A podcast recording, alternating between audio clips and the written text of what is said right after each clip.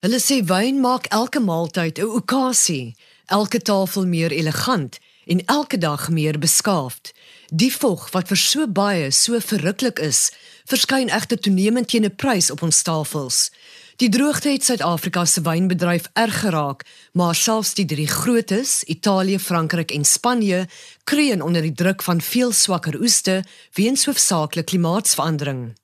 Ons gesels vandag hier in die kookstuig met tegniese versorging deur Lindsay Johnson met die uitvoerende hoof van Winpro, Rico Basson.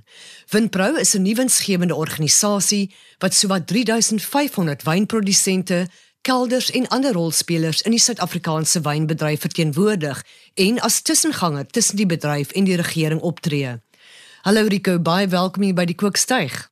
Daar's so baie syfers in 'n neutedop. Hoe lyk vanjaar se oes vergeleke met vlede jaar se? Dis maar ja, jy's reg, die klimaat het uh, wêreldwyd en vir Suid-Afrika kwaai geraak. So vir jaar se oes is 15% kleiner as verlede jaar se. Nou die syfer klink nie noemenswaardig groot nie, maar dit is omtrent 170 miljoen liter wyn minder vir jaar wat die wat die bedryf geoes het. Hoeveel is dit in inkomste in rand en sent? Dit is wesentlik. Ons het gesê die direkte verlies is omtrent 700 miljoen rand wat nie deur die plaashek sal gaan nie. As ons gaan kyk na die werklike omvang van wingerde wat wat dood is en wat vervang moet word, is die syfer waarskynlik 3 keer dit. Julle het julle vierde oeskatting in Maart gedoen en julle het ook julle oesverslag in Mei vrygestel. Wat is die vernaamste bevindinge? Dis maar aanvanklik het ons uh, in die eerste helfte van die seisoen gedink die oes kan tussen 30 en 40% afwees. Maar dieselfde klimaat was bietjie meer vriendelik in die tweede helfte van ons oes hier van Februarie Maart het dit koeler geraak, het ons bietjie reën begin kry. En uiteindelik en ek dink ook dit is 'n 'n wonderlike kompliment vir ons produsente se vermoëns, was die oes net 15% af. Binne in dit, wanneer is die hele industrie se syfer is sekere areas natuurlik baie erg geraak en hier dink ons aan die Olifantsrivier area. Dit is nou die Vredendal, Klawer, Loetswil omgewing wat meer as 35% af is. En dis 'n area waaroor ek baie bekommerd is, ehm um, want daar was net 20% water beskikbaar. En daai area dink ons sal nog 'n redelike paar jaar vat om te herstel. Ander areas soos die Parel en die Swartland, dit is areas wat moet staatmaak op winterreën vir besproeiing is ook 30% af. So daar is daar's werklik tussen die 10 streke van wyn is daar groot verskille. Rico kry julle genoegsame ondersteuning van die regering. Ek dink dis man landbou in die algemeen sê ek so 'n bietjie aan die agterste speen rondom ondersteuning. Ehm um, in wêreldterme het ons bykans geen subsidies nie terwyl ons mededingers wesenlike subsidies kry.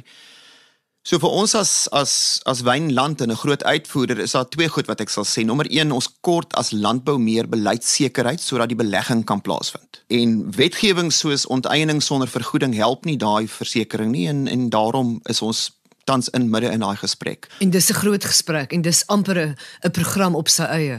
Wel, is 'n baie groot gesprek juis omdat die bedryf doen geweldig baie werk op transformasie en ons het fantastiese projekte wat ondersteuning kort, nie noodwendig, jy weet, intervensies deur regering nie. Maar aan die uitvoerkant wat baie belangrik is, is dat ons sal moet 'n beter bedeling kry op marktoegang.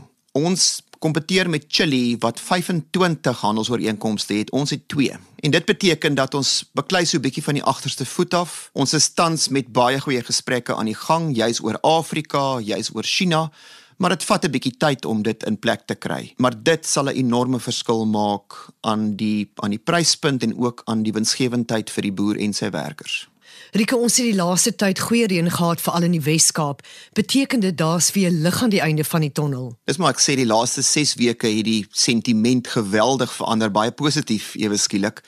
Maar as ons gaan kyk na die na die damvlakke en ons gaan kyk na waar ons moet wees voor die beperkings opgehef word, dan is ons nou omtrent by 35% ehm um, in terme van kapasiteit en ons moet by 85 kom voor die waterbeperkings opgehef van gaan word. Is jy bekommerd oor die bedryf? Ek is bekommerd um, oor die bedryf en ek dink ek is bekommerd oor verskillende redes tot die bedryf. Dit is 'n bedryf in Suid-Afrika wat die vermoë het om ongelooflik baie werk te skep. En ek sê dit dikwels vir elke een werksgeleentheid op 'n wynplaas, skep die bedryf 10 ander geleenthede af in sy ketting en dit sluit nou in wyntoerisme, dit sluit in um, distribusie, bemarking En dan natuurlik bring die bedryf iets baie skaars vir Suid-Afrika en dit is buitelandse valuta. Meer as 9 miljard rand se buitelandse valuta word word verdien. Die dilemma waarmee ons sit is dat die die produsente het vir die laaste 9 jaar onder geweldige finansiële druk verkeer. Weens aksiesbelasting, weens lae marges, weens 'n uh, onvriendelike wetgewing omgewing. En dit het beteken dat 'n derde en sowat 1500 wynprodusente het die bedryf verlaat in die laaste 20 jaar. So ek is ek is optimisties oor sekere aspekte van die toekoms, maar maar sonder twyfel 'n derde van ons wynprodusente kry verskriklik swaar en is nie winsgewend nie. Rico, is jy meer bekommerd oor die plaaslike of die buitelandse mark? Het nou van buitelandse valuta gepraat. Dis maar wat die droogte gebring het en en ook wat gebeur het met die struktuur van die bedryf vir die heel eerste keer is daar 'n wesenlike tekort aan wyn. Iets wat ons in die laaste 10 jaar nie gesien het nie. As jy sê wesenlik, hoe groot is dit? Wel meer as 120 miljoen liter. Ehm um, so wat 10% as ons gaan gaan kyk na ons afset. En en hier is dit nou baie moeilik. Ehm um, in Engels het ek gesê in Januarie the highest bidder will win. En wat ons nou sien is ehm um, net vir die luisteraar, ons voer die helfte van ons wyn uit na verskeie markte en die ander helfte bly in die Suid-Afrikaanse mark. En en hierdie is nou wat ons wat ons nie seker is wat sal gebeur. Jy gaan uitvoere afneem en meer plaaslike wyn ehm um, verkoop word of of andersom. En ons dink die antwoord is beide. Ons dink ons binnelandse afset gaan moet daal 'n bietjie, veral in die laer pryspunte weens tekorte.